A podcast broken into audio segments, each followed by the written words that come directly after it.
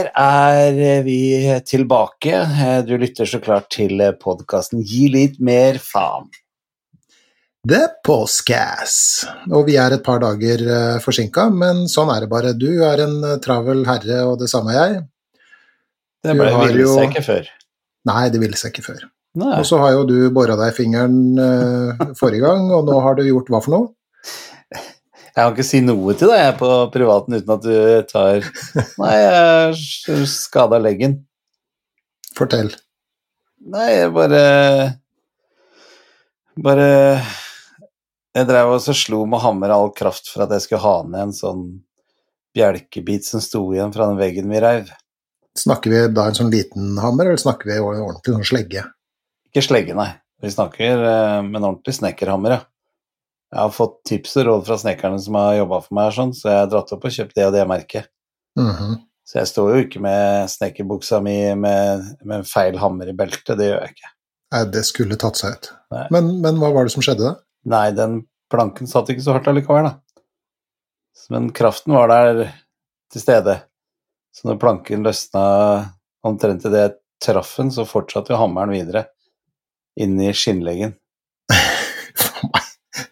Ja, det hørtes ikke behagelig ut. Nei, det, det, var så vondt at jeg ble kvalm og fikk feber og, og frøys og alt på en gang. Jeg hadde, jeg hadde ti minutter ordentlig smertehelvete. Ja. Så nå har jeg tatt Ja, ja det veit jeg vel ikke, men jeg, jeg begynte å svette i hvert fall. Jeg ble sånn mm. kvalm og Ja, litt det. Og Nattegråt. Og fikk også en sånn eh, Litt sånn skjelvinger Akkurat som når du får sånn kjempeblodtrykksfall, eh, blodsukker, eh, lavt blod Sånn. Mm. Så måtte du sette meg ned. for jeg ble svimmel. ja, ja. Nei, men du Jeg var veldig imponert, de som så på, da. Ja. Tommy gjør ting han ikke kan der, altså, men uh, du gjør det nå likevel. Ja. Og det er hovedsaken, tenker jeg. Det er eneste måten å kunne dette hvert på, er jo å prøve meg. Ikke sant. Ikke sant. Ja. Men ellers, ja? Ellers så eh, merker jeg jo veldig godt at uh, landet vårt har åpnet opp igjen, da, for nå er det jo veldig mye forespørsler uh, innen, innen showbiz. men jeg er jo veldig forpliktet til denne barnevernsjobben, så det er mest nei jeg må si. Men jeg har begynt å gjøre en del foredrag, og det syns jeg er utrolig kult. Ok, betyr det at du er på liksom litt mer på vei bort fra show-varianten av det og mer over på det seriøse, eller er det lett blanding? Nei, jeg tror, jeg tror nok at uh, det er hakket mer seriøst enn forestillingen vår, men uh, samtidig ikke useriøst, sånn at um, uh, Det var nesten to ord av samme, hørte jeg. Litt mm. mer alvorlig, men ikke så useriøst. Jeg mente mm. jeg bevarer humoren eh, veldig, i, men litt mer seriøst, var jeg egentlig jeg skulle si. Mm -hmm. Ok. Og hvordan har det blitt tatt imot så langt, da? Du, eh, jeg vet ikke hva det er som gjør det, altså, men det er eh, ekstremt eh, positivt. Det er eh, Ja, i går så opplevde jeg at eh, salen reiste seg opp og klappa når jeg var ferdig. Det det er stas midt på dagen, eller midt på dagen, klokka jo ikke klokka elleve eller noe sånt nå, på formiddagen. Det er ikke ofte du får stående applaus klokka elleve på formiddagen? Nei. nei, det er ikke ofte jeg får stående applaus, punktum. Nei, ikke sant. Ok. Så, hva. Hva, tenker, hva, tenker, du Har du noen tanker om hva, hva årsaken til en sånn stående applaus er? Ja, jeg tror eh, og tenker, for jeg har jo slutta å føle dette her, så jeg tenker det, eh, at eh, det er først og fremst gjenkjennelse og normalisering av noe som folk kanskje syns kan være litt vanskelig å snakke om. Og at eh, jeg står og sier at jeg sliter med akkurat det samme. Eh, det ligger en sånn Jeg vet ikke, det virker som folk eh, skuldrene detter litt ned på de, og de kan le av det og kjenne seg igjen. Og så ikke minst få den samme følelsen som jeg leste boka di første gangen. Da, den derre ja, det er kanskje ikke bare meg det er eh, noe gærent med, det er, det er, noe med oss alle sammen. Kanskje det er mer normalen enn unormalen. Mm. Uh, så det tror jeg er årsakene til at folk blir uh, henrykte, da. Mm. Det, var jo, det var jo mye av det som hva skal jeg si, både var inntrykket og faktisk de direkte tilbakemeldingene på showet den gangen også, Mm. hvor befriende det var å kunne sette seg ned og høre noen snakke, og dermed føle seg mindre alene, og, Mm. og, og mer, hva skal jeg si, menneskelig, eller noe i den retninga der. Mm. Så det skjønner jeg jo veldig godt. Så Nei, det, har- det har jeg lyst til å gjøre mer, ass. Mm. Mm. Var det, var, det, var det fagfolk, eller var det holdt på å si vanlige folk, eller hva var det for noe? Ja, nå de to som jeg har gjort denne uken her sånn, er jo Den første er altså veldig fagfolk. Det var jo en fantastisk fin gjeng, nemlig hele administrasjonen til eh, Mental Helse Norge. Eller om de bare heter Mental Helse, jeg er ikke helt sikker. Men eh, en knallfin gjeng der sånn. Og eh, i går så gjorde jeg det for et, eh, et konkurrerende bedrift innenfor barnevern, faktisk. Konkurrerende i forhold til der jeg jobber i dag. Ja, ok. Så eh, veldig, veldig mye fine folk som, eh, som både kjente seg igjen personlig, men tror jeg også sånn eh, erfaringsmessig fra jobb, da. Mm. Mm. Jeg har, jeg, altså, vi får jo stadig eh, henvendelser mm. på våre eh, s- Ja, det man kaller sosiale medier, da. Um, og der var det jo annet en henvendelse fra en person som hadde fått med seg at du om en tid skal til Bergen. Ja, neste uke. Og da Eller skal de to uker på rad nå. Å ja, såpass, ja. Ja, på den 11. og 18. Mm. Denne personen i hvert fall som, som da hadde fått med seg at du skulle holde et foredrag altså for et fagmiljø, Ja. lurte fælt på om, eh, om eh, du da en eller annen gang kunne komme til Bergen og holde et for, for uh, legfolk, som det kalles, altså som ikke er i bransjen. da, som ikke er i bransjen. Mm. Var det noen planer om det, eller? Ja, fra nå av. Fra nå av. Det er om kult. det. Nei, men Artig. du, jeg må sette oss ned, Geir, og så og Nå har vi fått Nå har vi laga Hvilken episode er dette her, egentlig? 56. Ja, ikke sant? Nå har vi laga 56 episoder med eh, fantastisk mye flotte temaer og gjester. Så der ligger det jo, ikke sant, og så kunne du få samla dette her sånn, og så eh, er drømmen av en gang kunne så reise rundt på kulturhus og holde sånn type foredragsshow istedenfor bare et rent standup-show, da. Det hadde vært Mm. drømmen. Mm. Så da må du hjelpe meg, og så må vi sitte og skrive og samle og trekke ut og Det skal vi få til når din eh, bolig på Setre ikke ser ut som et eh, Ja, jeg skal ikke si det uttrykket min mor brukte på det, men det har noe med, med, med et utbombet tilholdssted for prostituerte. Ja. Bomba horehus. Ja. Ja, jeg har er- vokst opp med. Ikke sant? Ja. ja. Jeg, jeg, jeg Det gjør det ikke være- nå. I så fall så er det veldig velplanlagte bombinger. For nå har vi fått kledd inn alt i plast og fora ut. Så nå tror jeg jaggu døtte meg kan begynne neste uke, i hvert fall på hoveddelen av bygget, med å eh, legge plater på veggene og panel i taket. Og Mm. elektrikerne har gjort sitt nå, så nå Så da er liksom byggetrinn én, tror jeg, innen november er ferdig, så er byggetrinn én ferdig. Og før romjula skal eh, byggetrinn to være ferdig. Ja. Og da er det ferdig. Da er det ferdig. Ja, så da Det er liksom sikkert masse framover vi skal holde på med, men det er liksom Da har vi plutselig et ordentlig hus, da. Litt småplukk vil det jo være. Ja.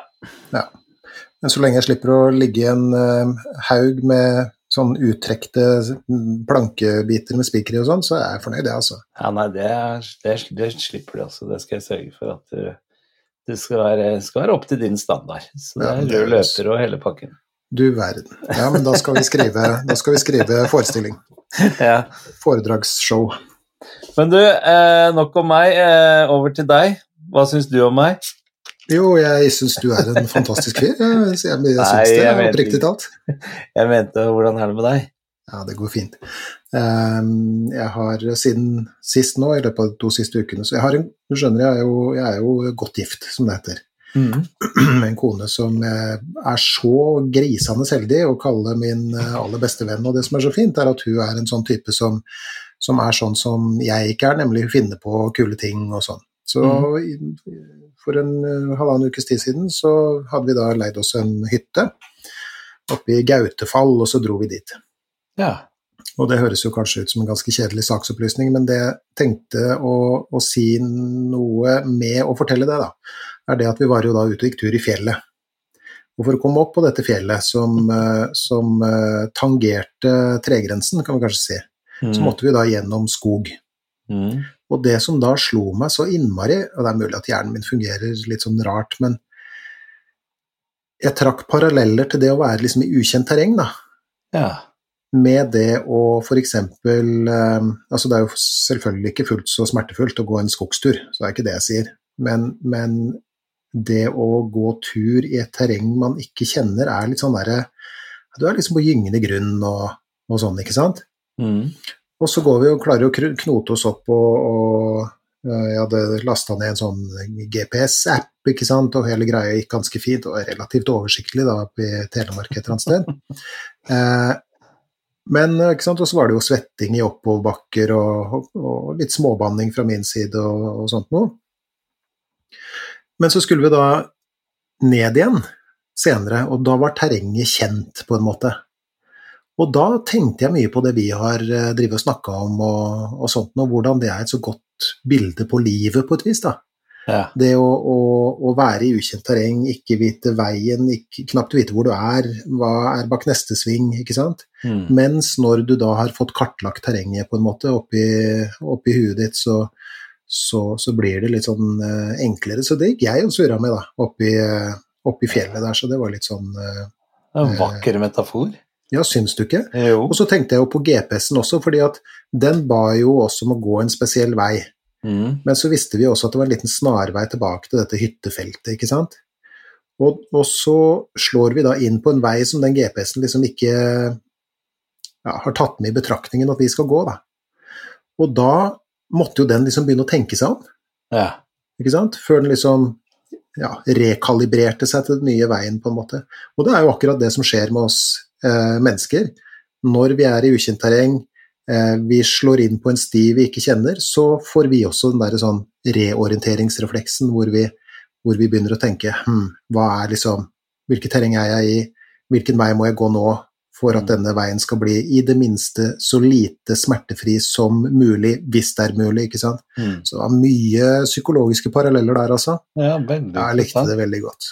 Og interessant at du tror at en GPS tenker også, det syns jeg er fantastisk. Ja, men det er faktisk eh, altså, altså og, og dette har jeg ikke sugd fra eget bryst, holdt jeg på å si, for jeg, jeg har hørt den metaforen et eller annet sted, men, men en GPS er faktisk noe av det nærmeste vi kommer menneskelig orientering, på en måte. Ja. Eh, fordi at den, den må også tenke seg om å finne en, en ny rute, da. I et eh, terreng som for den er ukjent. Så ja, nei, det var mye filosofering oppe i fjellet der. Så det er forskjellige nivåer da, på de forskjellige GPS-ene ettersom Ja, det det vet jeg handler lite om om. tenking. Så Ja, nei, altså det ser jo ut til at de tenker noenlunde likt. De forsøker jo å, å reorientere seg, ikke sant. Men eh, ja, nei, det var, var pussige greier. Og rent bortsett fra det så har det jo skjedd litt sånn uh, artige ting, syns jeg også, da. mm. Eh, eh, boka Jeg fikk jo beskjed fra forlaget om at boka nå er oppe i 10 000 eksemplarer. Det er jo Hey! Ja, det er jo helt Hvilket opplag er det nå? Det er nå femte opplag. Det er helt sykt. Ja, det er, det er, Det er jo dritbra. veldig gøy. Veldig gøy. Ja. Har du nå tatt med sånn i det opplaget en takk til min partner fra podkasten Tommy Nei. nei det Jeg fikk ikke tilbud om å revidere Nei. den gangen her, men Nei. det skal jeg huske neste gang. Jeg tror ja. jeg forsyner meg, jeg skal ha et bilde av deg på forsida. Nei, da blir, ikke flere, da blir det ikke flere opplag. Jeg mente bare en liten sånn Jeg tror det kunne solgt. Nei. Det, Tommy Steine Ikke- lærer seg litt mer faen, eller et eller annet sånt. nei, ikke ødelegg eh, den okay. stien du er på med det. Men Nei, en liten nei. sånn takk, sånn Ja, ikke sant? Ja. Mhm. Nei, men jeg skal, eh, jeg skal gjøre mitt beste for å huske akkurat det. Takk, Tommy, for at du får meg til å skjerpe sansene mine som terapeut Ikke sant? når jeg snakker med deg. Som for eksempel. Ja. Ja, Mm. ja. Et lite forord eller noe sånt? Nei, det bør ikke være et helt kapittel, tenker jeg. Det bør det ikke. Nei, ok. Men uh, en liten takk. Ja, ok. Nei, men jeg Og gjerne skal, på linja under Turi. Det er greit, men bare en takk. Riktig. Ok. Ja. Jeg, skal, jeg skal snakke med, med forlagssjefen om det neste gang. Ja, Skal vi se hvordan det blir eh, tatt imot. Ja. Og så er vi nå da i gang. Jeg har jo hinta litt om at eh, dette kurset, som heter eh, kurs i uh, i praktisk stresshåndtering. Mm. Originalt uh, nok forkortet KIPS. Mm. Uh, som da var nå satt i gang av en, en helseaktør. Det kan jeg nå avsløre hvem er, for nå er liksom katta ute av sekken. Ja. Og det er rask psykisk helsehjelp det dreier seg om. initialt sett nå da i Stjørdal kommune. Så de er nå i gang med å, å øve inn og kjøre det her ut.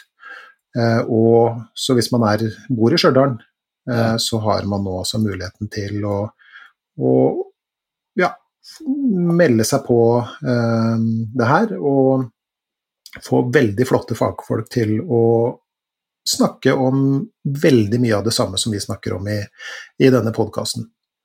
Og så er vi da i gang med å digitalisere det her, sånn at nå håper vi å få kjørt det ut til absolutt alle som eh, vil ha tilgang på det på det etter hvert så berømte internettet, da. Det er fantastisk. Ja, det skjer ting. Det gjør det, altså. Virkelig, altså. Mm. Det, det gjør det. Så det var uh, det siste 14 dagers uh, eh, utvikling. Men vi, eh, til tross for vår eh, innledende småprat, så skal vi da over til eh, denne ukens, eller denne 14 Hva heter det når det er 14 dag? Kan ikke si denne ukens da, eller? Er Denne episoden. Denne episoden. Ok, Mm. denne episodens tema. Fordi at i sist, sist episode, da vi snakka om tvang og litt sånn Mm. rare og påtrengende tanker og sånn, så, så sa vi at vi hadde fått et ja, kan kalle det et leserbrev, da. Selv om det er Mhm. elektronisk og, så videre, og det er en lytter. Men, men eh, at vi hadde fått det, og at det, denne personen ønska at vi tok opp et spesielt tema, og så sa vi at det kom litt seinere, etter en eh, liten føljetong om eh, Jordan Petersens eh, bok 'Tolv regler for livet', som den heter på norsk, da. Ja. Men vi har nå da bestemt oss for å kjøre den episoden her aller først, fordi at det er et tema som vi tenker eh, fortjener Haster en mer og fortjener Ja. en raskere raskere behandling, om vi Ja. kan kalle det det. Eh, og dette er jo et alvorlig tema, og det er et skremmende tema, det er et vondt tema.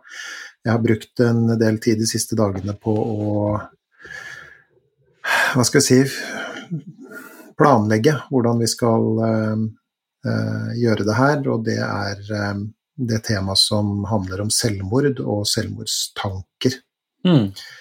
Eh, og da må jeg også få presisere, som jeg gjorde sist, og som det er verdt å presisere egentlig hver episode, at, at denne podkasten erstatter ikke eventuell helsehjelp eller noe sånt nå, sånn at hvis man eh, sliter med, med noe litt sånn ekstra som, som går utover eh, hverdagen og, og liv og helse, så, så må man eh, søke hjelp. Mm. Eh, så jeg tenkte vi skulle starte litt med å, å lese opp eh, det brevet vi har fått, da. Ja, det er lurt. Så vi en liten recap der. En liten recap der. Men, Ja. men, men først, sånn, når jeg sier hva som er dagens tema, får du noen tanker om det? Har du noen erfaringer på feltet? Nja, egentlig ikke så imma Jeg syns jo det er et sånn skummelt tema. Mhm. Jeg syns jo Nei, jeg syns selvmord er veldig sånn øh, Det er nesten det tristeste av det tristeste, tenker jeg. Mm. Eh, når noen mennesker ikke ser noen annen utvei enn å forlate jorden selv. Mm. Det syns jeg er eh, trist. Jeg husker når jeg var eh, Når jeg, når jeg hadde denne smellen i 2017 sjøl, så husker jeg at jeg var litt redd for det med selvmord. Eller jeg var ikke redd for selvmord, men jeg var redd for at når jeg hadde angst og var deprimert sånn, så var jeg redd for at jeg, at jeg skulle komme til det steget at jeg, hadde, at jeg begynte å tenke på det. Jeg, altså jeg var redd for eh, Hvordan går det an å beskrive det? Jeg, eh, jeg er så heldig at jeg har aldri vurdert eller tenkt at jeg vil ta mitt eget liv. Mm. Eh, Men jeg husker når jeg var på det mørkeste der, sånn, så husker jeg at jeg var redd for at jeg skulle komme fram til den konklusjonen at nå gjør jeg det. Mm. Mm. Forstår du hva jeg mener? Altså, Mm. jeg hadde ikke tanker om å gjøre det, men jeg var redd for at, at det her, hvis dette her ikke endret seg på sikt, at det skulle gjøre at jeg kom til å tenke sånn. Mm. Så jeg var redd for tanken om selvmord, egentlig. Mm. Det riktig. Eh, og, og jeg tenkte også sånn, herregud, tenk hvis jeg gjør det i affekt og sånt, nå, så jeg, jeg har jo veldig lite kjennskap rundt det. Mhm. Eh, har dessverre kjenner eh, noen få som eh, Litt sånn i periferien som, eh, som har gjort det. Eh, og, og sett hva de gjør med de folkene som står igjen. Mm. Eh, så det det syns jeg er helt jævlig, egentlig. Mm. Det er um, så ekstremt mange spørsmål og sånn, så, så det er vel på en måte Jeg vet ikke om det kan kalles erfaring ja, når du spør sånn, men uh, Men, uh, men ja, jeg syns det er et, litt sånn skremmende tema, det syns jeg. Mm. Mest fordi jeg ikke veit så mye om det. Mm. Ja, og det er derfor jeg også tenkte at det var, var uh, greit å få, få snakka om. Uh, Ja. For det er nok et uh, både skremmende og trist tema for, for mange. Og jeg har jo også Jeg kan jo ikke gå i noen detaljer på det av hensyn til andre, men jeg har også i min um, skal jeg kalle det, omgangskrets opplevd det samme som du beskriver, da. Mm. Um, også relativt uh, unge personer, og det, det er altså så grunnleggende sørgelig Mm. uh, at, at det, er, det er knapt til å, å begripe. Og det er derfor jeg også tenker at det er, det er lurt at vi snakker om det og, og forsøker å finne litt ut av det. Og, og, igjen, verken du eller jeg er jo noen noe eksperter på det her. Eh, Så vi, vi må jo nå da tillate oss til å, å finne litt ut av ting og, og filosofere litt rundt det og, eh, og snakke om det, og så og håpe at det kan utgjøre en forskjell for, for en eller annen som, som kanskje sitter og tenker på det her og f.eks. har vært innom denne type tanker, for det er ganske vanlig. Eh, og det vet jeg jo fra min egen uh, praksis, på en måte. Uh, men, men skal vi prøve oss å bare finne litt ut av det? Ja, det hadde vært Jeg kjenner litt sånn ubehag nå, så jeg har lyst til å bli kvitt ubehaget. ja. ja, noe ubehag må man dessverre bære. Jo, men ubehag over det ukjente på dette her, Ja, riktig, ok. ja, Ja, hvis du skjønner hva jeg mener. Mm, GPS-en din går litt i surr nå? Ja, nå må man tenke seg om. Mm, ok. Greit, men da starter vi med, med brevet fra eh, vår lytter. Jeg har fått lov til å lese det opp, bare så det er presisert, men jeg har likevel eh, skrevet det litt og anonymisert litt, da. Bare, Ja. selv, om, selv om vedkommende sa at det var ikke noe, noe problem, men bare sånn likevel, bare for å ha det på, på det rene. Ok, så, så brevet er sånn. Jeg har et tema som jeg ønsker dere kan snakke om, nemlig selvmord. Jeg mistet en nær slekt- slektning under dramatiske omstendigheter for snart tre år siden. Han var dypt deprimert, mer enn noen av oss kunne fatte. Det var store påkjenninger i livet, sykdom i familien, egne helseplager, og det var noen økonomiske problemer. Han endte opp med mye grubling over ting i livet han ikke hadde gjort riktig, og store bekymringer for hvordan fremtiden ville bli. I etterkant av dette har det vært mange tanker som pårørende. Det er jo mellom 600-700 årlig som tar livet sitt, og ca. ti ganger så mange som er pårørende i disse situasjonene, slik at jeg er ikke alene, og jeg tror temaet er viktig å snakke om. Dette kan bli en lang historie, men jeg skal prøve å forkorte det. Jeg har ikke vært til noen behandlere siden det skjedde. Umiddelbart var det ekstremt med inntrykk. Man tenker på hva man kunne gjort annerledes for å unngå at det skulle skje. Man kjenner på om man sørger på riktig måte, noe jeg vet ikke er noen fasit på. Jeg fikk en skikkelig reaksjon i starten da vi skulle velge kiste, tårene bare veltet ut, det samme med begravelsen som var tøff å være i. Vi var åpne om årsaken til at han tok livet sitt. I tiden etter dette snakket jeg mye med familie og venner, og jeg dro tidlig tilbake på jobb med enkelte tilpasninger. Kunne blant annet ta ting i mitt tempo. I starten var det mye oppmerksomhet, men så blir det stille. Jeg lurer på hva dere tenker rundt å komme tilbake til hverdagen etter, noe, etter at noe sånt skjer. Livet går jo videre, og for min del har jeg kommet sterkere ut av det på mange måter. Det har skjedd, og jeg får ham ikke tilbake, uansett hvor mye jeg skulle tenke på det. I tillegg lurer jeg på om hva dere tenker om dette. Hvis vedkommende hadde visst hvor mye smerte et selvmord påfører de pårørende, hadde de gjort det da? Jeg skjønner jo at tanken den som tar selvmordet har, at man gjør alle en tjeneste, eller at man ikke orker de belastningene man ser for seg skal komme. Så det hele handler om hvilke råd man kan gi pårørende etter dramatiske hendelser som eksempel selvmord. Det er vel ingen fasit på dette, men det hadde vært interessant. Jeg har et bra liv med sine strabasser, og tanken om det som skjedde kommer og går. Jeg lar de tankene komme, men ikke overta livet som skal leves. Det er noe som kommer til å henge med meg hele livet, men sorgen og de bølgene blir mindre og mindre etter hvert som tiden går. Håper ikke dette ble for mye, men jeg hadde lyst til å høre deres tanker rundt temaet. Og så Mm. kommer det en liten sånn PS-e-post etter noen dager, Ok. hvor det står 'Kom på enda et moment', nemlig tilbud om hjelp i etterkant av dette. Jeg hører jo mye om kriseteam som har blitt iverksatt i mange tilfeller. I vårt tilfelle fikk vi beskjed om å ringe tilbake innen noen dager til legevakt om vi trengte hjelp. En i familien ringte dit og fikk beskjed om at det måtte tas kontakt med fastlege. Så et punkt på oppfølging av pårørende etter selvmord bør kanskje diskuteres. Dette er vel varierende fra kommune til kommune. Er det kun hvis unge gjør det, at det trengs kriseteam? Jeg har klart meg fint uten når jeg tenker på det i etterkant. Alle trenger det kanskje ikke, men det hadde vært fint med tilbud om å snakke med noen fra et kriseteam.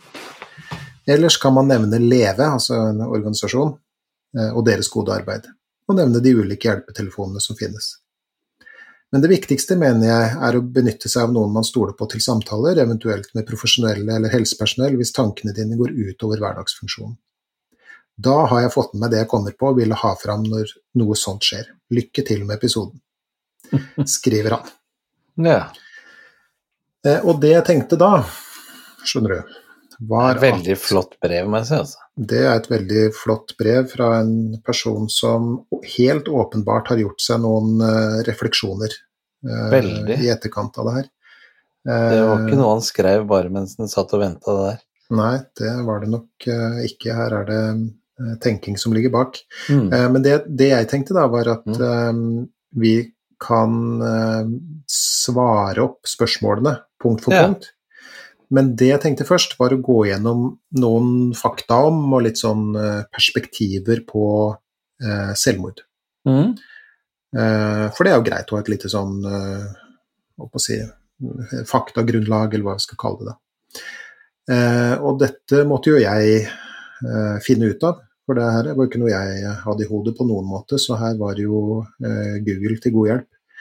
Eh, Og det viser seg at i Norge så er det Tallene varierer litt, men, men mellom 450 til 600 selvmord i Norge hvert år. Og to tredjedeler av de er menn. Ja. Um, på verdensbasis så er det eh, Lesotho i Sør-Afrika som er klart høyest. Og Antigua i, eh, i Karibien er helt nederst. Og Norge ligger på 48. plass av 185 land, så vi ligger jo liksom i ganske, ganske langt høyt, da, eller ganske langt høyt, eller ganske høyt oppe. Men da jeg begynte å se på de tallene og liksom kikke litt eh, på dem sånn samla, så var det én ting som jeg syntes var liksom påfallende ved de tallene der. Og det var det at det ser ut som om det her forekommer mest i i-land, og det da i Vesten og i Asia. Mens mer sånn u-land og mindre, mindre utvikla land, om vi kan kalle det det, så dess, dess um, Altså der er tallene lavere, da. Og ofte tror du ikke registreringen er da? Nei, det skal ta hensyn til, til den type ting. Ah. Yes. Eh, Så det er jo litt, eh, litt uh, pussig, syns jeg. Um, Ja. og det har jo Jeg måtte jo også lese sosiologi, vet du. Mm. Ikke sant? Jeg skrev jo det en melding til deg, himmelhav, jeg må jo inn i, i, i gammel sosiologi her. En, en kar som heter Emil Durkheim, og han har faktisk gjort seg noen, eh, noen tanker om det her. Da. Jeg, jeg skal komme tilbake til det. Men så tenkte jeg liksom Selvmord er jo, er jo antagelig ikke noe nytt fenomen. Så da leste jeg litt om, eh, om historien og, og sånt noe bak det her, og det er det jo mange som har skrevet om. De eldste kildene vi finner som beskriver eh, disse tingene, er faktisk fra sånn 1200-1300-tallet før Kristus. Det er såpass. Det er såpass, ja. Eh, I forbindelse med det som kalles den eh, trojanske krigen, der er det en sånn helt som heter Ajax, og han, han tar, sitt, tar sitt eget liv. Og så har du vel antagelig også da hørt om eh, samuraiene og deres sånn æres eh. Ja. Harakiri, eller, eller seppuku som de kaller det borti, borti Japan. Og vår venn Sokrates, som vi jo har snakka mye om.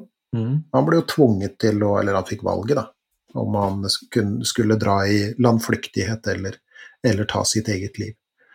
Og Sokrates valgte å tømme giftbegeret. Hva gjør det? Og så, og så har vi da også da forskjellige, hva skal vi si, eh, kategorier, og det har jeg jo heller aldri tenkt over. Militære selvmord, f.eks. Hvor eh, soldater tar sitt eget liv i en håpløs situasjon, omringa av fiender, f.eks. Eh, jeg leste bl.a. om, om eh, en, en, jødisk by som heter Masada, som var beleira i ukevis og månedsvis Eh, og hvor, hvor, alle valgte å, å ta livet sitt istedenfor å, å, å eh, bli tatt til fange. Yes. Andre verdenskrig, kamikazepiloter. Ja. Vi har også selvmord som sosial protest. Mm. Husker du hus, Har du det bildet i huet? Der, det bildet av den munken i, ja. buddhistmunken i Vietnam? Ja. Ikke sant? Som setter fyr på seg sjøl. Ja og som, som, gjennom å ta sitt eget liv markerer et, et standpunkt for, uh, for noe. Ja. Så det var jo også noe som jeg ikke, ikke hadde, hadde, tenkt over. Og så er det jo noen spørsmål som dukka opp også, f.eks. det der med at når vi snakker om selvmord, så, så, tenker vi ofte på det som at det er litt sånn kan kalle det litt sånn negativt assosiert med en person som er på et veldig, veldig fortvila sted i, i uh, livet. Mm. Men f.eks. en, la oss si en mor som ofrer livet sitt for å redde et barn, er det også selvmord? Nei. Jeg, jeg, jeg sier bare hva jeg syns. Ja. Fordi at nettopp han eh, Emil Durkheim, da, ja. Han, eh, hans definisjon av det, og det, dette er sammenfatta, for den definisjonen eh, var litt lang, men hvis definisjonen er å avstå fra livet, og da f.eks. For, for å redde en annen, så, så, faller det inn under den kategorien også. Det har jeg aldri tenkt over før. Nei, det tenker ikke jeg som selvmord heller. Nei. Eller har tenkt, da. Mm. Ok, så her kommer vi da til eh, Emil Durkheim, som da regnes som uh, grunnleggeren av, av uh, uh, sosiologien. Mm -hmm. Og han skrev allerede i 1897 så skrev han en bok som, som heter 'Selvmordet' på norsk. 'Le suicide' på, på, fransk, for han var fransk, viser det seg. Ah, ja. Og det han gjorde, var å gå gjennom en sånn skal vi kalle det, metodisk analyse av samfunnsstatistikk, da, som man hadde, åpenbart hadde allerede på, eh, på den tida. Og der begynner det å dukke opp en del eh, ting som, som, i hvert fall jeg syns var, eh, var skal vi si, danner et litt sånn eh, faktagrunnlag da, rundt uh, det herre vonde temaet. Fordi at allerede på den tida så, så, kunne han vise til statistikker fra forskjellige europeiske land eh, som eh, viser at antall selvmord i en befolkning de holder seg stabilt over veldig lange perioder. Men han fant også at selvmordstallet synker ved politiske kriser. Type krig, revolusjoner Altså når det blir perioder med store utfordringer eh, i et samfunn, så synker eh, eh, selvmordstallene. Jeg syns ikke det er rart, jeg. Hvorfor syns du ikke det er rart? Nei, Jeg tenkte på det i stad når du sa det der med u-land og sånne ting også. Uh, og jeg har, uh, som nevnt i 56 episoder nå, overhodet ikke noe peiling på det temaene vi snakker om, så det her er bare synsing fra slik en enkel komiker har. Mm. Uh, men jeg jeg skrev jo den forestillingen 'Latterlig livredd' og denne forestillingen 'Gir litt mer faen', og da eh, leste jeg meg jo opp på mye av de tingene som du sier nå også. Mm.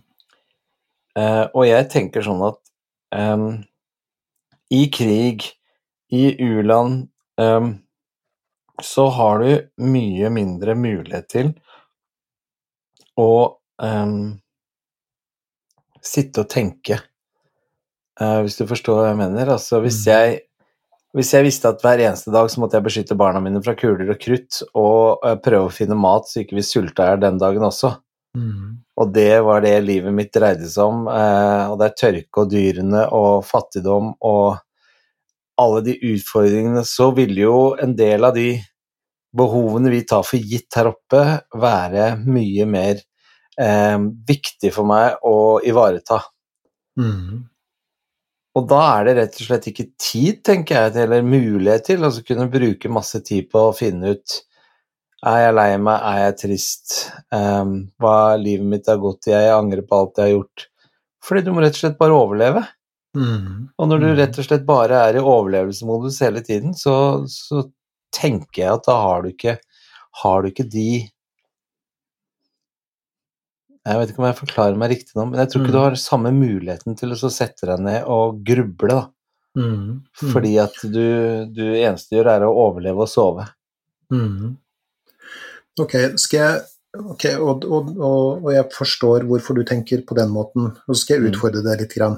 Ja, bra. Eh, fordi at, husker du at vi eh, I tidligere episoder så har vi jo bl.a. snakka om eh, Hva skal vi kalle det, da?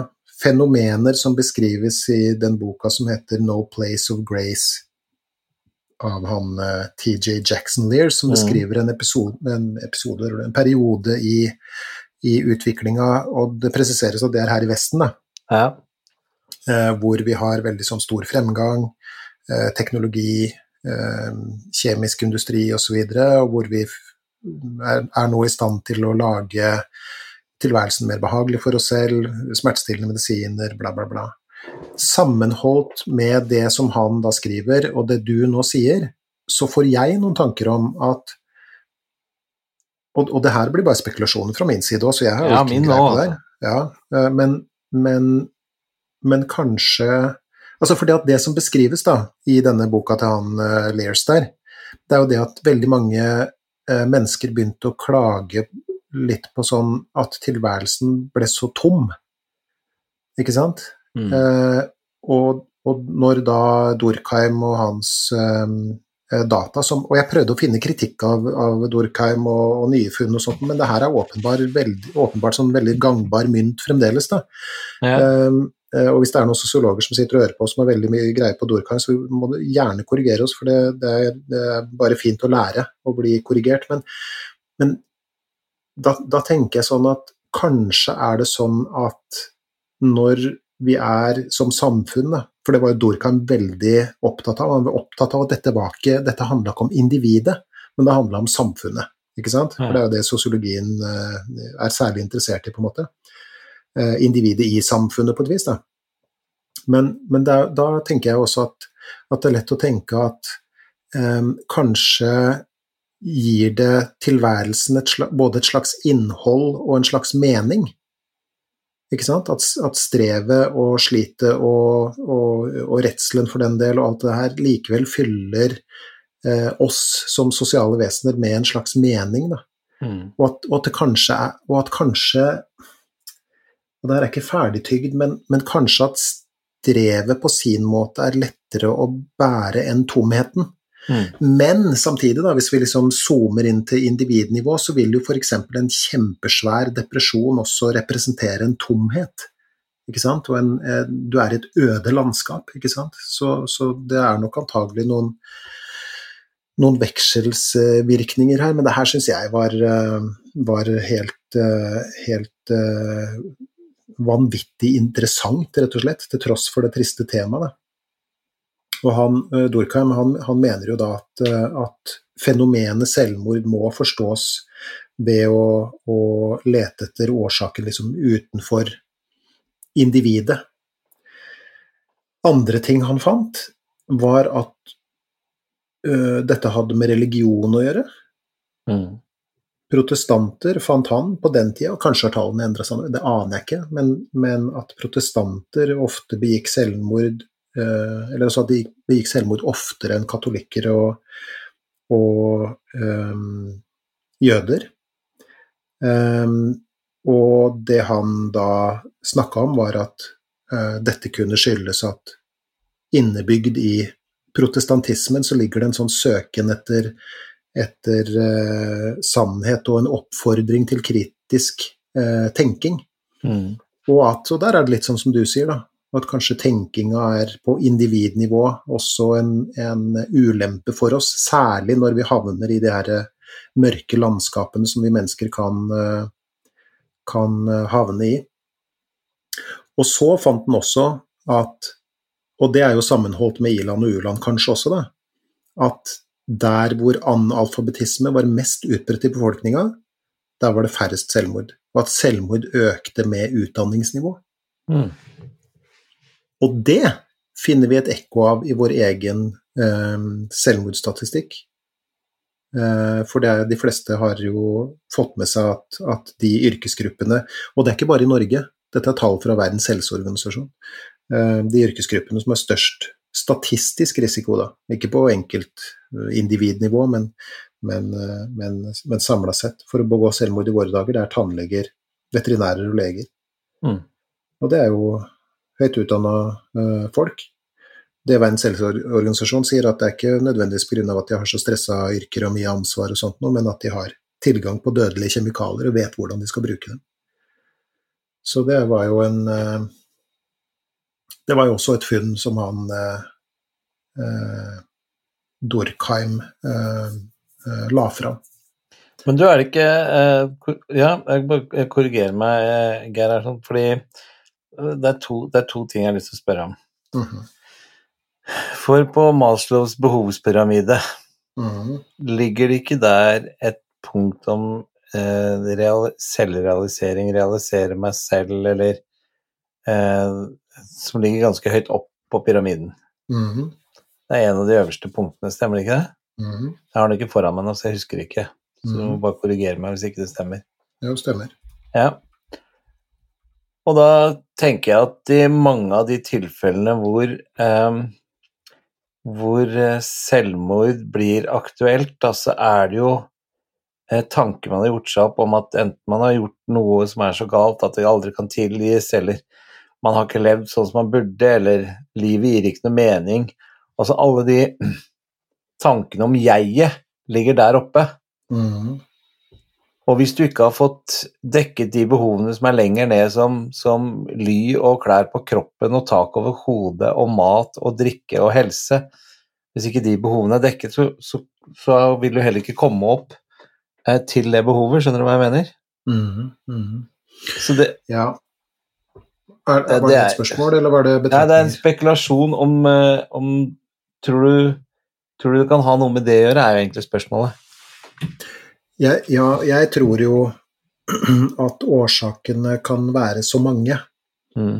Eh, vi har jo Altså det kan være f.eks. at man befinner seg i en situasjon som er så håpløs og svart at det ser ut til å være det eneste alternativet. Jo, jo, nei, nei, jeg mente ikke det, de årsakene, jeg mente årsaken til at det var så stor forskjell på utdanna, ikke utdanna, eh, i-land, u-land, Mm, rik, mm, fattig. mm, mm. Ja, det kan jo være, være det. Eh, Ja. Selvfølgelig. Og det, og det her er jo et superkomplisert tema som selv de mest utdanna fagfolkene klør seg veldig i huet over. Eh, Og som sagt, dette koster jo veldig mange menneskeliv i Norge hvert år, og på verdensbasis så kan vi jo bare forestille oss eh, hvilke tall som er ute og går. Det har jeg ikke sjekka, men, men at det er betydelig, en betydelig mengde enkeltmennesker, det er jo heva over enhver tvil. Men, men jeg tenker at, at eh, vi har antagelig å gjøre med faktorer på både samfunnsnivå eh, og individnivå. Mm. Eh, og at og at altså psykologien vår spiller en rolle, sånn som Mm. du eh, snakker litt sånn indirekte om nå, da. Ikke sant? Mm. Dette med å, å, å, å, gruble og, forsøke å grave seg ut av dette hullet, ikke sant? og at det kan eh, bidra. Eh, vi har eh, samfunnsmessige eh, årsaker osv. osv. Så, videre. så dette er jo super, superkomplisert. Og svaret er antagelig ikke enkelt, Nei. og består av flere faktorer. Da. Så tenker jeg når sånne store kriser og sånn oppstår, som du ser revolusjon og krig og sånn, så har jo vi mennesker vist gang etter gang, nå senest også under pandemien, at vi, vi går litt ut av jeget og ønsker å bidra, uh, støtte hverandre. Mm. Vi så jo mange eksempler under pandemien til hvor jeg kom inn hvor folk uh, begynte å reise rundt og levere varer til de som ikke kunne komme seg i butikken sjøl. Mm. Det var en veldig Mm.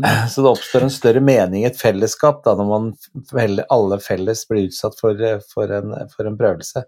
Mm. Det der syns jeg hørtes veldig sånn klokt sagt ut. Uh, at, vi, at, vi, går ut av, av jeget, og det er jo det som karakteriserer selvmordet i sin faktiske betydning, er jo en, en, en utslokking av jeget, ikke sant. Ja. Du, der trer du ut av jeget permanent. Ja. Uh, mens, mens, det som kanskje skjer da, og, og du bruker pandemien som eksempel, er at vi går ut av jeget, men på en meningsbærende måte. Mm. Mens her er alt så meningsløs at, at jeget uh, utslukkes ja. og, og, og, fjernes og destrueres, ikke sant. så den, den bare syns jeg var fin. Takk. Du må bare skrive den ned. Jeg må bare huske at Jeg skal huske å sitere deg på den. Ja, gjør det. Okay. Og så lurer jeg på én ting til. Når det har vært forska så mye på dette, sånn, og det er så mange som er opptatt av det, det er så ofte det blir snakket om, eh, og nå sist med den tragiske eh, eh, selvmordet til Ari Behn også, ikke sant, hvor det ble opp på dagsplanen og veldig mange i Norge snakket om dette her. Mm. Finnes det ikke noe Er det noen som har det, Finnes det noe som gjør at man kan forutse det?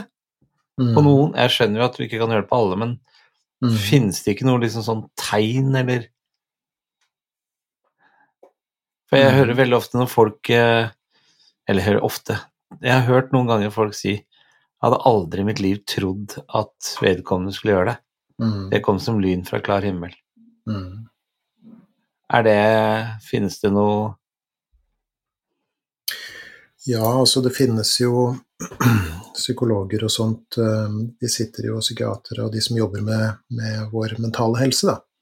De har jo forskjellige eh, kartleggingsverktøy og, og, sånt noe som man eh, bruker for forsøksvis å forsøke å eh, Hva skal vi si Om ikke forutsi, så Jeg vet ikke hva jeg skal kalle det forsøke å identifisere faktorer som gjør at man kan med relativt stor grad eh, forutse et eventuelt eh, selvmord eller selvmordsforsøk. Men så viser det seg at, at det her er ikke så, så enkelt. Det er faktisk eh, det, var, var, en stor studie som jeg leste det var, var, flere universiteter som var involvert i den studien, bl.a. Harvard University. De, var, de, kjørte en, en, svær, det de kaller en metastudie. Og en metastudie er en studie av studier. ikke sant? Og da henter man ut Finner man studier på temaet, og så, så henter man ut data fra alle studiene for da å lage en såkalt metastudie. Da. Eh, og og dette var en metastudie av 365 tidligere studier.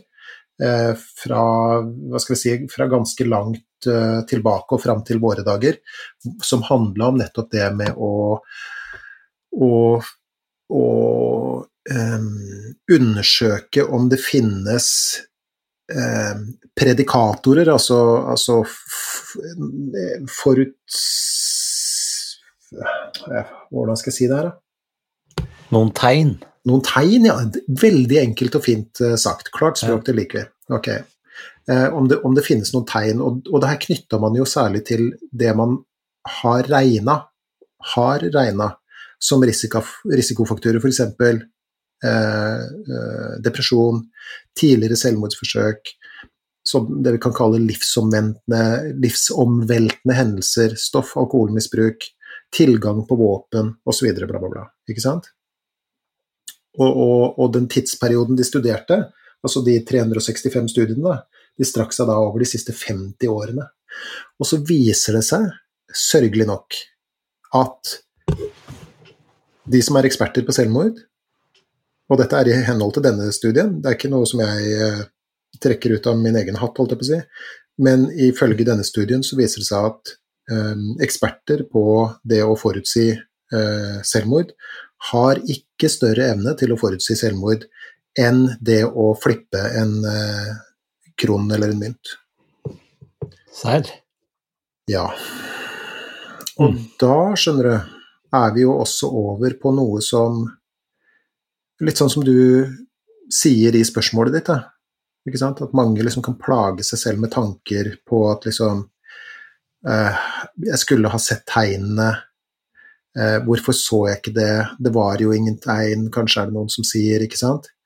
Men poenget er at, eh, og ifølge denne gigastudien, så, så viser det seg at det å kunne eh, forutsi det her, selv ved hjelp av svære sånn kartleggingsundersøkelser og sånt noe, så, så, så er vi ikke, faktisk ikke i stand til å forutse det. I større grad enn om vi skulle flippa mynt eller kron.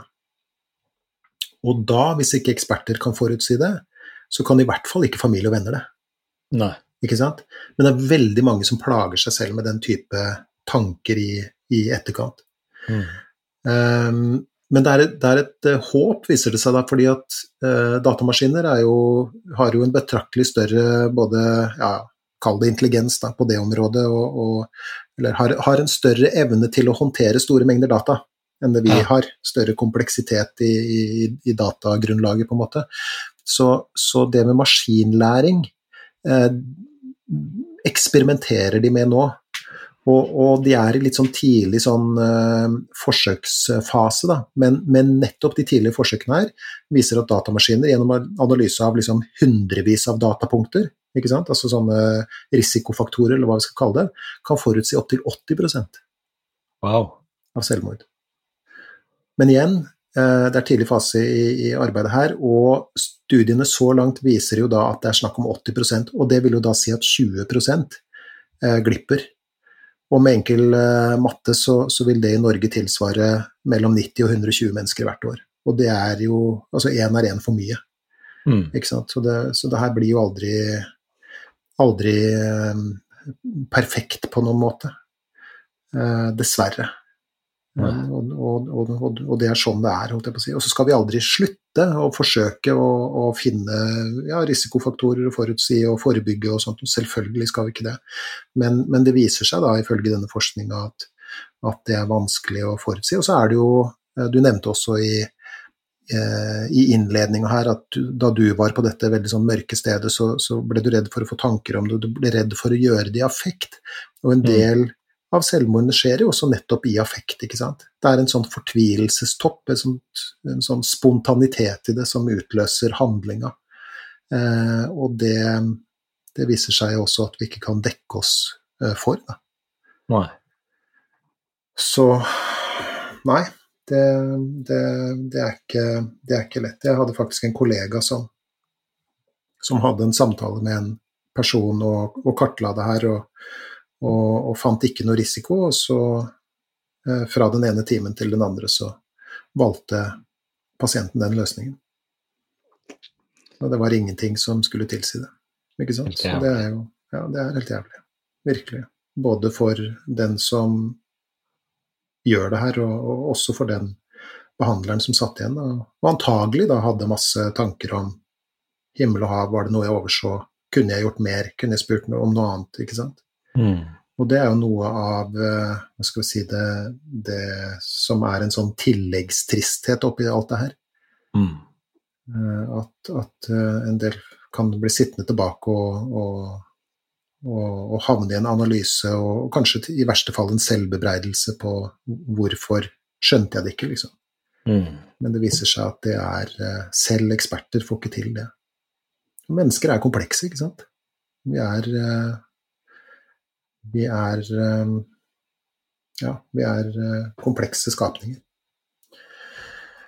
Ok, så tilbake til, til brevet. Jeg snakka jo om at, at, vi skulle svare litt sånn på, på det som ble skal vi si, kommentert eller, eller spurt om. Det. Ja. Og da har jeg valgt ut noen, noen avsnitt der som jeg har, har, tenkt å svare opp, og så kan jo du kommentere på det også. Tusen takk. Mm, det er jo Er du sarkastisk nå, Tommy Steine? Nei! okay. Jeg begynte å le fordi at du, det tok to sekunder før du oppfattet svaret mitt. Ja, ok. Ja, greit. Ja, ok. Greit. Så Så, så Uh, Må si ifra hvis du syns jeg snakker for mye, altså. Nei, Men, eh, jeg men- syns ikke Dette er jo et Altså, jeg, alle temaer vi snakker om, er, er viktige for meg, og, og, men det her er liksom åh, Det er så Og tenk deg jeg som måtte overtale deg til at vi skulle begynne med den podkasten her. Ja, det er jo Og nå er det sant. så viktig for oss begge to. Ja, det er sant, det, altså. Ja. Men, men eh, alle temaene er som sagt viktige, men det her er sånn Det er, det er så ekstra sårt og vondt at uh, Ja. Du kan jeg stille deg ett spørsmål før du går løs på uh, Ja, svarene, liksom. ja. Hva er årsaken, tror du Jeg vet du ikke har svaret, men jeg spør om din spekulasjon. mhm. At fremdeles er dette her tabu å snakke om? Mm, ja, si det. Hvorfor er det så mye skam forbundet med dette her? Altså, jeg tenker Jeg, jeg tenker på, på etterlatte og sånn, så han, han kommenterer også i brevet eh, Vi valgte å snakke åpent ut om det. Mm. Eh, og, og det er jo helt fantastisk at det er gjort, og det er fantastisk eh, eh, familie og pårørende eh, snakker ut både om hvordan de opplever det selv, og årsaker og sånn de tror det er. Men det er langt fra noen selvfølge. Mm. Det et lite, lite motspørsmål, da. Hvor, Ja. Hvorfor tenker du at det er fantastisk at de faktisk snakker åpent om det? For jeg tror eh, erfaringsmessig på andre felt, da, at eh, åpenhet for den pårørende det er snakk om, tror jeg er viktig i sorgarbeidet. Mhm. Jeg tror at um, For folk er jo veldig jeg, har- jeg har jo hatt et, et vennepar som mistet barnet sitt i det, dette er sånn, og man blir jo veldig redd for Kan man spørre dem om vi kan hjelpe til med noe? Er det, er det noe de trenger? Ikke sant? Mhm. Eh, Oi, nå kommer de på, på middag, vi må passe på at vi ikke snakker om altså, ikke sant? Sånne ting. Som gjør det litt vanskelig for folk eh, eh, Eller ikke vanskelig, men folk blir usikre på, på de pårørende, da. Mm. Og da er det kanskje deilig for de pårørende, tenker jeg, at, eh, at eh, her er det ingenting som Altså, folk Mhm. vet hva som har skjedd, og vi har opplevd det, og det er helt grusomt for hele familien. Um, og vi slåss hver eneste dag på grunn av dette her. Um, og da tenker jeg at det er også lettere Jeg opplevde det i hvert fall lettere med de vennepar våre at jeg kunne komme på banen og prøve å bidra med noe Alt fra hjelp til det praktiske til, eh, til um, det å være støtte, da. Mhm. Mhm. Og så mener jeg huske også at eh, Else Kåss Furuseth, en eh, fantastisk Jeg velger å si kollega, um, Mhm. Uh, har jo uh, snakket veldig mye om dette. Hun har jo opplevd det i sin egen familie. Um, mm.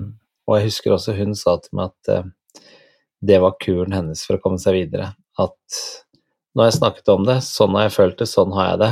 Mm. Nå kan jeg konsentrere meg om trinn to. Mhm. Var det faren hennes, var det det, tror jeg? Jeg, var det ikke, jeg husker ikke, så vi skal kanskje være forsiktige med å si det, men jeg mente at det var to familiemedlemmer. Mm, ok, ja. Ja, nei, det, som sagt så blir det jo bare spekulasjoner, og så Man har jo Jeg husker jo det var igjen, da, eh, en debatt i, i mediekretser annet om man skulle eh, rapportere selvmordet til Ari Behn. Ja. Fordi at man var eh, redd for, eh, for smitteeffekten av det. Mm. Uh, og, og allerede i, faktisk i 1774 så var det en, en, en roman som, av en, en fyr som heter uh, Johan Wolfgang von Goethe, som, som heter, altså boka heter 'Den unge Werthers lidelser'. Jeg vet ikke om jeg uttaler det riktig engang, Werther. Men, men eh, som, som handler om en ung mann som begår selvmord, og visstnok så skal det da ha eh, skal den romanen da ha utløst en, en bølge av selvmord blant unge i, i Europa? Jeg vet ikke om det er riktig. Og, og, men jeg tenker jo at debatten oppsto av, av en grunn, da. At man kanskje enten så ser man en viss smitteeffekt, eller så er man redd for en viss smitteeffekt, og, og dersom man snakker om det og noen velger den løsninga, så blir man kanskje redde for å sitte med en slags skyld. Men, men jeg tenker jo jeg, jeg, er jo for åpenhet. Og, og, det som er bivirkningen av åpenhet, er jo at det kan finnes et, et individ, og forhåpentligvis flere der ute, som, som kjenner seg mindre alene. Mm. Enten det er en person som uh, av en eller annen grunn skulle vurdere å ta sitt eget liv, eller noen som har opplevd det og er pårørende, uh, så er det, så er det Vi er nå engang lagd sånn at, at uh, vi finner et slags fellesskap i Og kanskje en slags trøst, hva vet jeg, da, i, i, i det å ha opplevd noe lignende som andre mennesker har opplevd også. Mm. Men når det kommer til dette med åpenhet versus Og det er jo et sterkt ord, men, men, åpenhet versus skam mm. Så er det jo antagelig også der komplekse eh, årsaker til det, men jeg tenker altså hvis du har et familiemedlem som, som tar livet sitt, så Og igjen bare spekulasjoner, men da kan det jo antagelig være lett å få noen tanker om at jeg, jeg, jeg, jeg burde ha gjort mer, jeg burde ha sett det, eh, jeg har svikta på noe mm. vis, ikke sant, og at, og at, det blir en slags sånn at det peker tilbake på en selv, liksom. Enda det handler jo ikke om det.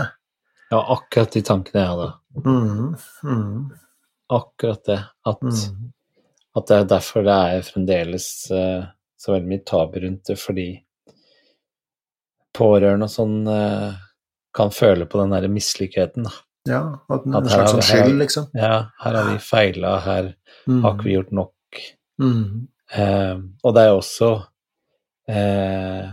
mange som har sterke meninger rundt det med selvmord og man snakker om er det feigt, eller er det modig? Er det mm. Mm. Ikke sant? Mm. Ja, og vi kommer tilbake til det nå når vi skal gå gjennom um, det, det, det, brevet, eller det, ja, den e-posten i, i, i, detalj. Uh, for vi kommer da inn på, på et punkt som, uh, som handler om det her. Men tenker du, Geir, for nå har vi passert én time og tre minutter, tenker du at vi skal ha en litt lengre episode om dette her i dag, eller tenker du at vi skal dele opp i to episoder? Jeg tenker vi tar en lengre episode om det, hvis det er greit for deg. Ja, ja. ja fordi at øh, øh, nå er vi jeg, jeg, jeg, jeg, liker ikke tanken på å dele opp akkurat det temaet her. Vi kan Nei. dele opp det meste, men, men ikke det her, uh, tenker jeg. Um, ja. Det blir som du liten, befaler, så en liten diskusjon der, altså. Det er, eh, det er råpodkasten, som sagt. Nei, ikke diskusjon, det var bare spørsmål. Ja, ja, ja. ja da. Nei da. Men jeg, jeg, jeg, når, vi først, når, vi først, har dette temaet oppe, og, og, og, og det rammer såpass mange hvert år, og, temaet er liksom så alvorlig og så trist, så, så tror jeg vi skal, eh, skal gå gjennom det. Men da går vi da gjennom den e-posten litt sånn trinn for trinn. Ok, ja. så Da starter vi med, med følgende setning, mm. um, og da refererer jeg da til e-posten som vi leste opp tidligere nå. Mm. Det er jo mellom 600-700 årlig som tar livet sitt, og ca. ti ganger så mange som er pårørende i disse situasjonene, slik at uh, jeg er ikke alene, jeg tror temaet er viktig å snakke om. Og jeg tenker jo at antagelig så er antallet som direkte eller indirekte rammes av, av dødsfall uansett hva slags dødsfall det er, da, men i, mm. til, i, dette tilfellet så snakker vi om, om, om selvmord, så, så, er det faktisk enda flere. Eh, jeg tror det er enda flere enn ti ganger så, så, mange. For vi snakker familie, vi snakker venner, vi snakker kolleger, naboer. Og alle vil på en eller annen måte berøres av det meningsløse som har skjedd. Da. Mm. Eh, for et menneske er borte fra den ene dagen til det andre. Og ja, vi må snakke om uh, det her, og vi må snakke om at tanker Altså, for her har du en sånn greie. Ok, så, så jeg bare tar en liten sånn innskutt uh, Ikke bare en setning, men et innskutt biavsnitt uh, om ja. det her. fordi at i min jobb så, så um, jeg, jeg, spør jo også om det her. Mm. Med den tanken i hodet at, at, det er ikke noe sånn god uh, ligger ikke noen sånn forutsigbarhetsevner knytta til det, men, men, rett og slett bare for å legge temaet på bordet. Da. Og det viser seg jo at tanken er veldig vanlig. Altså tanken om å, å ta sitt eget liv, f.eks., den er supervanlig. Mm. Eh, men Men skal vi si, da Som oftest så er det et slags sånn bilde på, eller et uttrykk for, et ønske om å liksom Åh, kan jeg få slippe den der lidelsen her, liksom? Mm.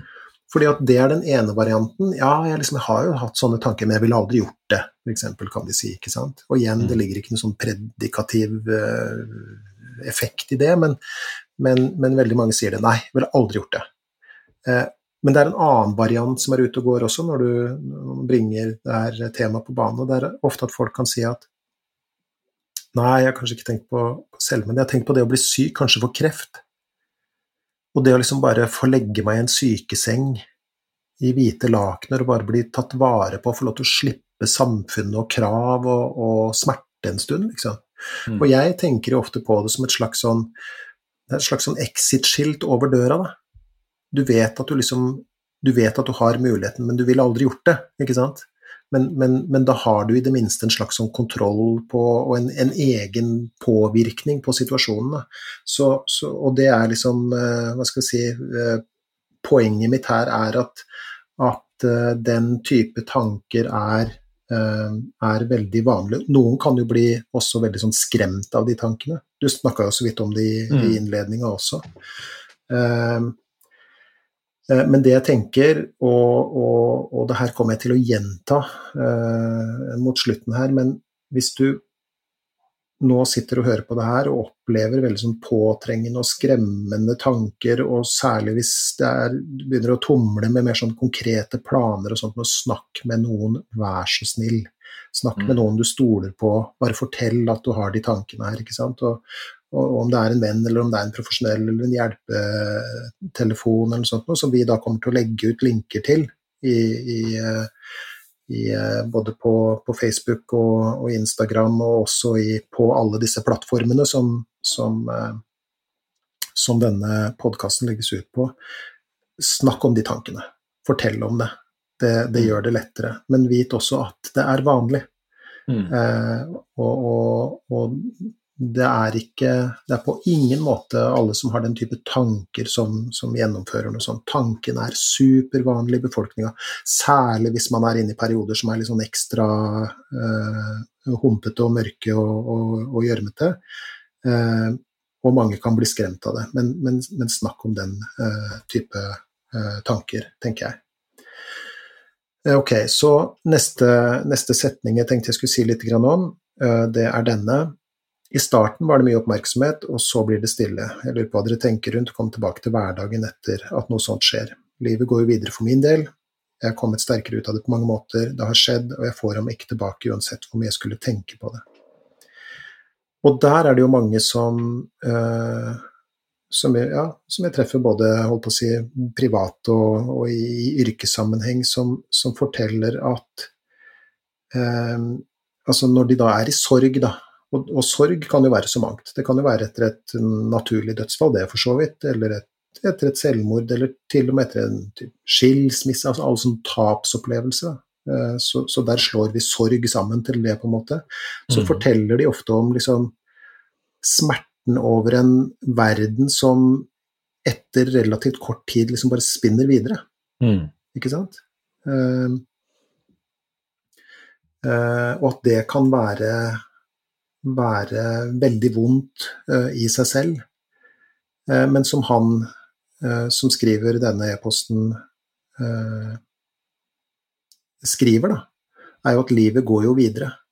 Og det er jo det det gjør. Og så har vi jo en sånn en floskel, og vi har jo tidligere snakka om at floskler er en slags sånn hypersannheter. Og, og den, den, floskelen her sier jo at tiden leger alle sår, men men hva betyr det at et sår leges, liksom? Det har jeg tenkt mm. en del på i forbindelse med den episoden her. Og, og, og, det jeg tenker, er at, og som er også min erfaring både fra mitt liv og, og eh, For jeg har også opplevd uh, sorg i forskjellige uh, varianter, men, men, for meg så betyr det at, at det etter hvert gjør kanskje bare litt mindre vondt. Ikke sant? Mm. Um, fordi at vi mennesker er ser ut til å komme ganske sånn fiks ferdig utstyrt med en sånn evne til å Kall det Venne oss til en, en, situasjon på et vis da over tid, eh, ikke sant. Men det som er viktig å tenke på, syns jeg, da, er at mange sår kan eh, smerte i veldig lang tid. Og det er ikke noe fasit på det, og det skriver jo han her en del om også. Det er ikke noe, mm. er ikke noe fasit på sorg. Eh, og det må bare få ta den tida det tar. Og, og i veldig mange tilfeller så, så, så uh, henger det i en eller annen grad i livet ut, ikke sant. Mm. Det er, det, er det, det, korset vi har fått å, å bære, da. Uh, og så er det også sånn at de fleste sår etterlater en eller annen form for arr som av og til klør og, og og gjør sin uh, tilstedeværelse kjent, på en måte. Så, så jeg, jeg, tror jo at alle som har vært i sorg av en eller annen grunn, kjenner seg igjen at dette går, som han skriver da, uh, i bølger. Men jeg tenker også på at Hvordan skal jeg si dette nå så ikke det høres uh, fælt ut? Jeg tenker også på det han sa om det her med Det var mye oppmerksomhet en stund, og så ble det helt stille. Uh, og, det, og, det, skjønner jeg veldig godt, uh, og har erfart selv også, kan oppleves veldig vondt. Men så tenker jeg, hvis man klarer å tenke Nei, hvordan skal jeg si det Hvis man klarer å tenke at når det, når det sto på, altså når det akkurat hadde skjedd eller de nærmeste ukene etter sånn, så var det mange som satte seg sjøl til side for å være der og trøste. Mm. Men som alle vi mennesker vet, så har vi jo absolutt alle stort sett nok å stri med hver eneste dag. Mm. Og på et eller annet tidspunkt så eh, føler man eh, kanskje som, som, venner eller kollegaer eller de som er rundt, som har, som har eh, gjort ekstraordinær eh, gitt ekstraordinær oppmerksomhet en periode, at, eh, at, de på et tidspunkt må gå tilbake til å, eh, å styre sitt liv videre. Mm. Og at det ligger i en eller annen sånn Jeg vet ikke om det er riktig ord å si trøst, for det, det føler jeg blir feil, men at det ligger i en eller annen sånn Ja, ja, men når det skjedde, så var han i hvert fall her, eller hun var i hvert fall her. Mm. Og så skjønner jeg at de har barn, og de har sine sorger, og de opplever familiemedlemmer som forsvinner, og det er sykdommer og, og sånne ting. Men at man eh, kanskje prøver å fokusere på at eh, de var i hvert fall her når det skjedde. Mm. Og så skjønner jeg at etter hvert så er de nødt til også å konsentrere seg om seg og sine liv igjen. Mm. Og at det er mye bedre enn at eh, folk ikke var der en gang i begynnelsen, mm. men har bare holdt avstand hele tiden. Mm. Mm. Så at fokuset liksom blir på at de var der, ikke at de slutta å være der. Mm. Skjønner du hva jeg mener med det? Jeg skjønner hva du mener med det. Blir det litt Også, sånn feil? Nei, nei, jeg, jeg syns ikke det. Og, og, og, og, vi må jo snakke om dette på den måten vi kan snakke om det på. Men jeg tenker jo at um, for, Altså, vi er forskjellige. Mm. Og vi reagerer på forskjellige måter, og vi har også forskjellige behov. Så noen vil jo kanskje også da oppleve at at um, ja, men det er kanskje greit at verden går videre. Ikke sant? Og, og det mm. skriver jo uh, han eh, karen her. Mm. At, uh, at, livet går jo videre for min del også, ikke sant. Mm. Uh, og så er det jo noen som da kanskje har mer behov for å snakke om det. Mm. Noen har mer behov for å la det ligge. Mm. Noen har et voldsomt behov for å snakke om det i så stor grad at det kanskje låses i sorgen, og da egentlig har behov for at noen nærmest kan få lov til å avlede dem litt og mm. invitere på kino, eller at man får lov til også å tenke på andre ting. Mm. Um, så, så, og igjen, da er det jo ikke noe fasit på det her. Ikke sant? Men jeg syns jo at det er et litt sånn trøstende tanke, jeg også, det du sier, når du nå sier det. At, eh, at at man får den hjelpen og støtta man trenger. Ikke bare fra profesjonelle, det er ikke det jeg snakker om, men, uh, i hvert fall ikke primært, men, men fra, fra, venner og kolleger som, som, bryr seg og stiller opp. Uh, Når så- sjokket er som størst, ikke sant? Mm, ja, ikke sant. Når det virkelig, virkelig smeller. Ja, så kan det være godt de å tenke da. tilbake på. Ja, ikke sant? Ja. Mm, ja, bra. Jeg syns det var en god betraktning.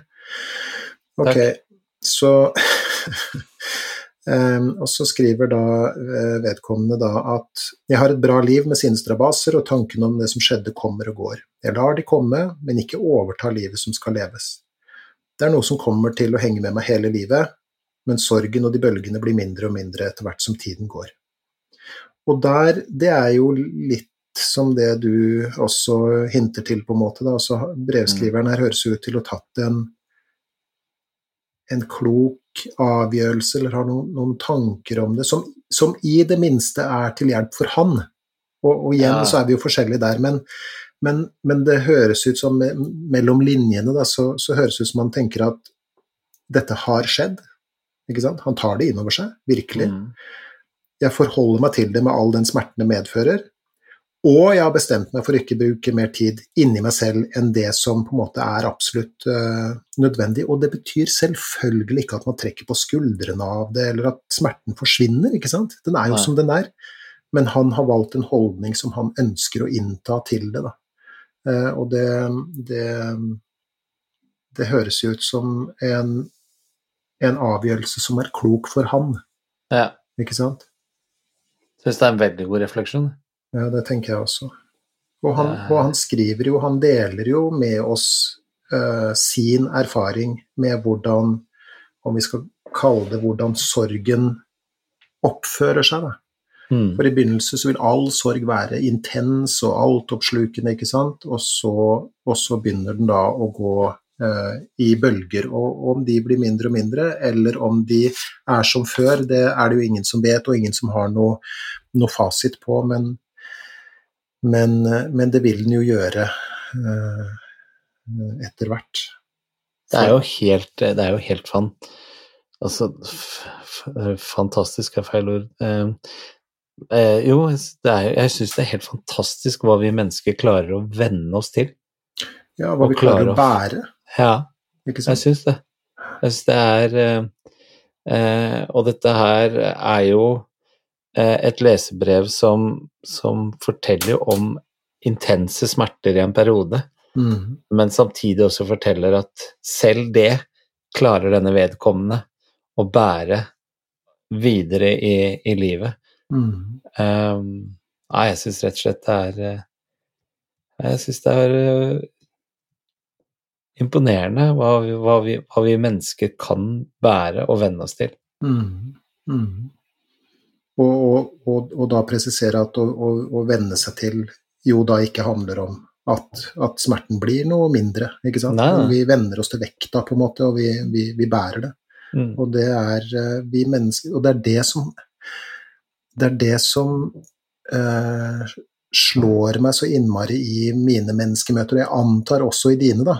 Og jeg snakker Mm. ikke bare i profesjonell sammenheng nå, i det hele tatt, men, men hvor hardføre vesener vi faktisk er, da. Mm. Vi er eh, vi, vi, vi bærer, liksom. Til tross for at vi er utslått i enkelte perioder og sånt, og så, så bærer vi videre, og det er Mennesker er tøffe, altså. Ja. Ok, så um, Neste setning. Og, og her begynner vi å bevege oss inn mot det du beskrev som litt et sånn tabu og et eh, litt sånn hva skal jeg si, diskusjonstema, litt betent tema. Da. Mm. I tillegg lurer jeg på hva dere tenker om dette. Hvis vedkommende hadde visst hvor mye smerte et selvmord påfører de pårørende, hadde de gjort det da. Jeg skjønner jo tanken den som tar selvmordet har, at man gjør alle en tjeneste, eller at man ikke orker de belastningene man ser for seg skal komme. Og der er jo der er vi midt oppi det som du eh, pekte mot, dette med at eh, noen kan tenke at det er feigt, noen tenker at det er modig, noen tenker at, eh, at man eh, eh, gjør det for å få slutt på sine plager osv., ikke sant. Eh, og, og det som er det, det vi Kanskje en av de få tingene vi vet om et selvmord, da. Det er jo det at det ender jo smerten til den som tar denne sørgelige beslutninga. Mm. Eh, og det er i mange tilfeller også nærmest forståelig. Men så er det jo også sånn at den samme smerten fordeles ut på de andre rundt. ikke sant? Mm. Og den blir jo ikke noe mindre av å fordeles, det er bare flere som får den, på en måte. samtidig som jeg også tenker at vi skal ikke og har ikke rett til å dømme et eneste menneske. Noen tar en så fortvilt beslutning, og, og sånn er det, og sånn, sånn, vil det være. Men det her vil jeg si, da. Mm. Til den som eventuelt tumler med den type tanker. Ikke undervurder størrelsen på det gapet vi som mennesker etterlater oss. Og det gjelder i andres liv, men også i verden. Mm. Fordi at akkurat du trengs. Selv om det kan være vanskelig å ta inn over seg når, når, det er som svartest. Men jeg tenker jo at hvem vet hva akkurat du vil påvirke verden hvis du velger å bli her? Mm.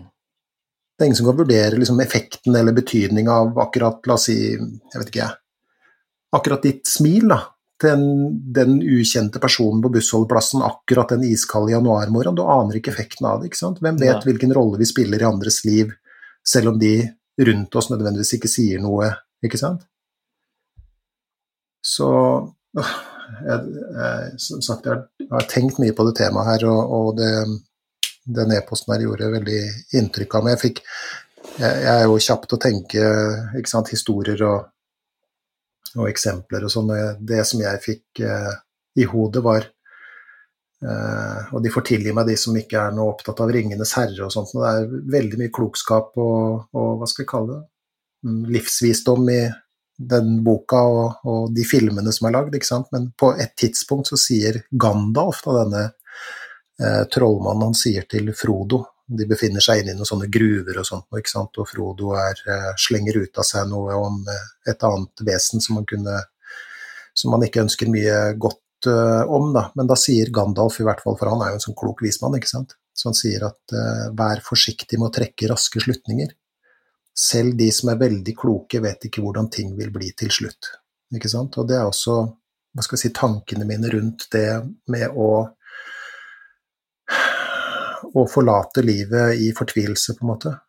Mm. Det blir uansett et gap igjen. Da.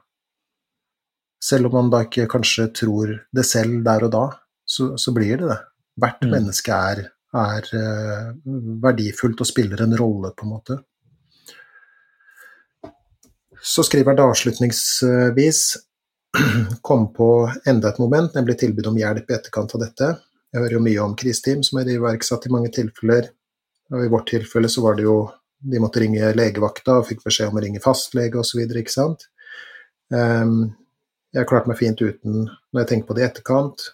Alle trenger det kanskje ikke, men det hadde vært fint med tilbud om å snakke med noen fra et kriseteam. Ellers kan man nevne Leve og deres gode arbeid, og nevne de ulike hjelpetelefonene som finnes. Men det viktigste mener jeg er å benytte seg av noen man stoler på til samtaler, eventuelt med profesjonelle og helsepersonell, hvis tankene dine går utover hverdagsfunksjonen. Og igjen så er det godt uh, godt sagt. Og det er jo et mm. slags sånn um, Hva skal vi kalle det? Et godt sånn klinisk tegn, da. Når ting mm. begynner å gå ut over hverdagsfunksjonen vår og, og, og, og måten vi fungerer på, så, så, så er det lurt å, å, strekke ut den hånda mm. til noen andre, være seg profesjonelle eller ikke. Så, så igjen, dette syns jeg var klokt uh, sagt, og det er betraktninger rundt hjelpetilbud liksom mm. etterfulgt av, av gode eh, råd fra en som har opplevd å miste en nærstående til eh, selvmord. Jeg legger ut eh, en lenke fra Helse-Norge eh, som handler om hva skal vi si, eh, selvmordstanker og selvmord, og så legger vi nå da også ut eh, linker til og telefonnumre til forskjellige sånn frivillige aktører på, på det området her. Yeah. Avslutningsvis ikke brenn inn med det her. Snakk med noen. Vi andre trenger at du velger å bli hos oss til tross for smerten du eventuelt opplever nå. Det er hjelp å få. Og selv om det kanskje sitter langt inne, rekk ut hånda, fortell om situasjonen din, be om hjelp. Du er ikke alene, selv om det føles sånn. Og et selvmord er ett for mye, sånn som jeg ser det. Vi, vi vil at du skal, skal være her hos mm. oss. Det er jeg helt enig i. Bra. Hvert ett ord faktisk av det du sa der, er jeg enig i. Fint.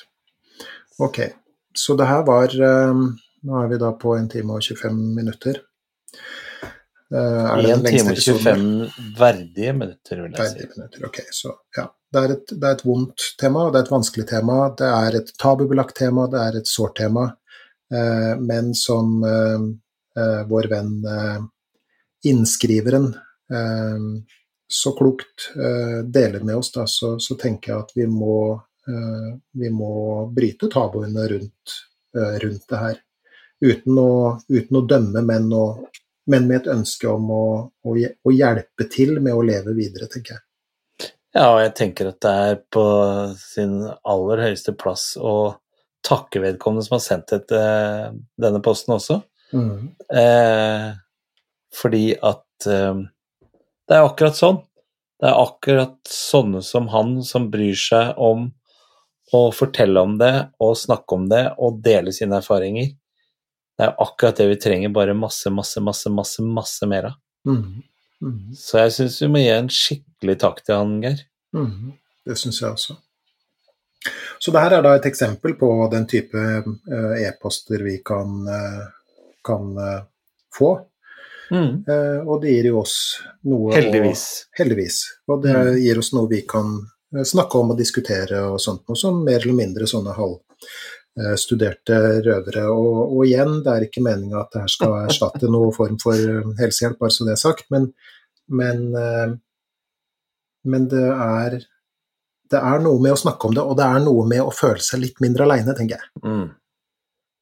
Det så, tenker jeg er det viktigste bestandig. Så fortsett å sende oss e-poster. Gjør det. Ja, og hvis folk skal sende oss e-poster, Geir, hvor skal de sende oss det hen?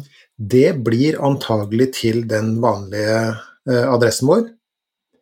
Gi litt mer F at gmail.com. Gi litt mer F i ett ord. Vi trenger det her. gmail.com. Wow. Så det var den.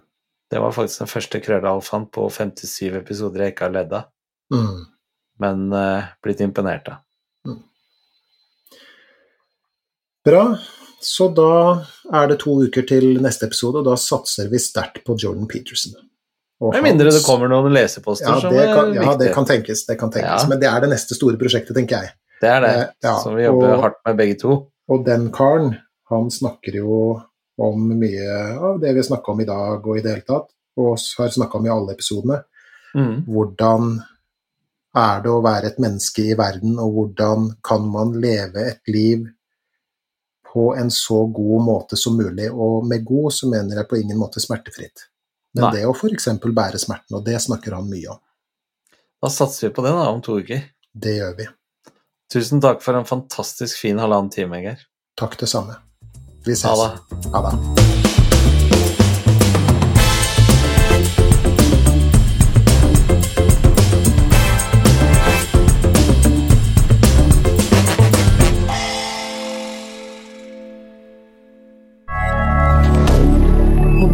Ha det. media.